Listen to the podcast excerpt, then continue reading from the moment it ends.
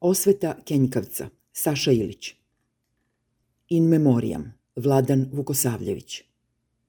Dugo je potrajao ministar Vladan Vukosavljević, mnogo duže nego što bi se to moglo očekivati od jednog priučenog ministra kulture koji je prve korake u ovom ne tako lakom poslu savladavao u cipelama gradskog sekretara za kulturu, gde je dospeo iz Krunskog saveta, a pre toga iz sitnog obrtništva Magle, odnosno trgovine nekretninama, odakle se redko ko mogao vinuti do ministarskih visina. Ali eto, tamo gde nisu mogli drugi, uspeo je Vladan. Zovem ga namerno po imenu jer sada kada ga više nema na adresi Vlajkovićeva 3, biram intimniji ton, budući da se o pokojniku govore samo lepe stvari, kako ću i sam učiniti u ovom poslednjem osvrtu na njegov lik i delo. Kažem, nema ga više u Vlajkovićevoj, ali ga ima još uvek na sajtu ovog ministarstva, nepodnošljivo ružnog dizajna, ali zato ispunjenog Vladanovim fotografijama i paskvilama kojima je krunisao svoju karijeru. Sa pozicije glavnog menadžera u kulturi Srbije, Vladan se često oglašavao nekim zagrobnim glasom, kao da se javljao ne iz prošlog, nego iz predprošlog stoleća.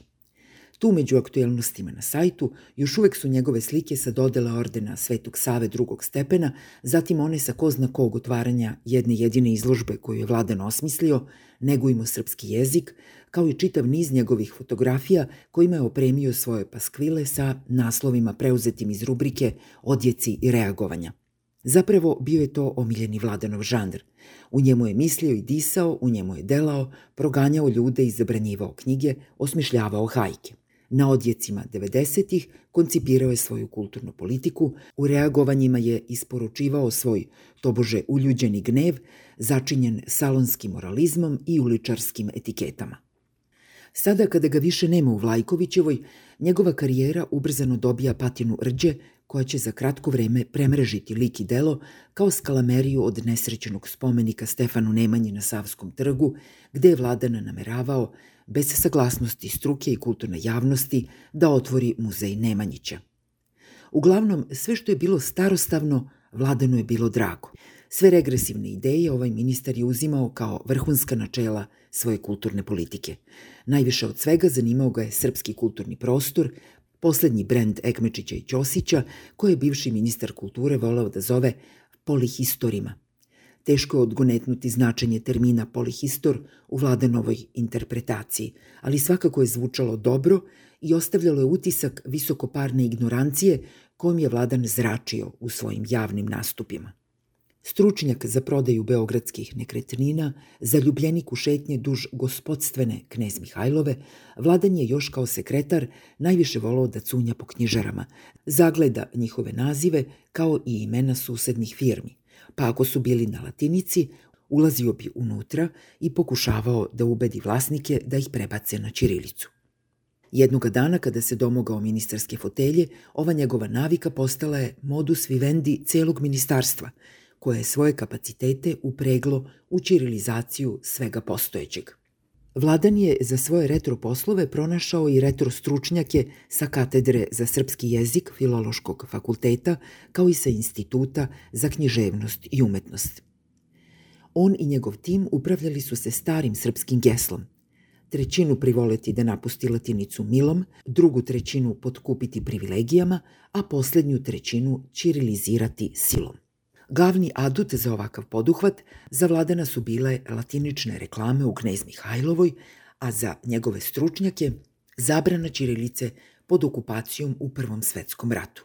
U ostalom, inkriminisana ilustracija Kenjkavca na izložbi u Staroj kapetaniji imala je komentar napisan na latinici, što je vladana uznemirilo mnogo više od satare u glavi Kenjkavca. Vizuelni spor satare i latinice je kod vladana izvršio neki vid transgeneracijske retraumatizacije, zbog čega je on opravdao devastaciju ove izložbe kao bolesne umetnosti. Bilo bi sve drugačije da je Kenjkavac bio oplemenjen čiriličnim komentarom. Još da je bila u pitanju Miroslavljeva Čirilica, Vladan bi rado zanemario nemoralnost ovakve umetnosti. Šta će ostati iza Vladana? U njegovom nekadašnjem kabinetu u Vlajkovićevoj ostao je rezervni par ulaštenih cipela za prijeme u ambasadama na dan Čirila i Metodija, kao i za odlazak na groblje.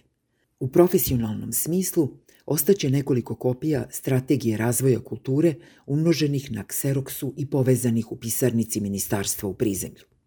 Sva je prilika da će čistači Maje Gojković, nove ministarke kulture i velikog fana Endija Vorhola, ove kopije izbaciti zajedno sa ostalim smećem koje se nakupilo iz stare administracije.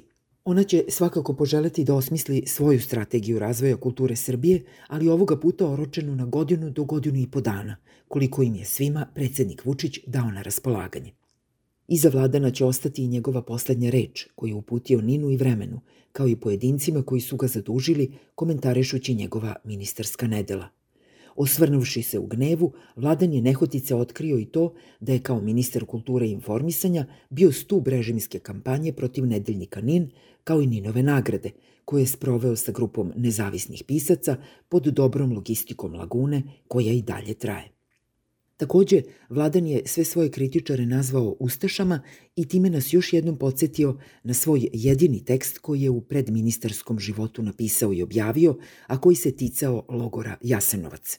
Ovo jasenovačko stanovište poslužilo je Vladenu za formiranje odnosa prema savremenoj umetnosti i književnosti, regionalnoj saradnji, službenom jeziku i pismu, na posledku prema opasnom vidu higijene koju je želeo da sprovede u kulturi.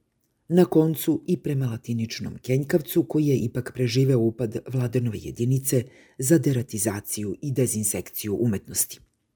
Moj predlog novoj ministarki kulture je da otkupi Kenjkavca, umnoži ga u maniru pop arta i postavi ga na zid, iza leđa svakog budućeg ministra kulture u vladi Srbije, kao opomenu na mračne dane vladenovog ministarskog života.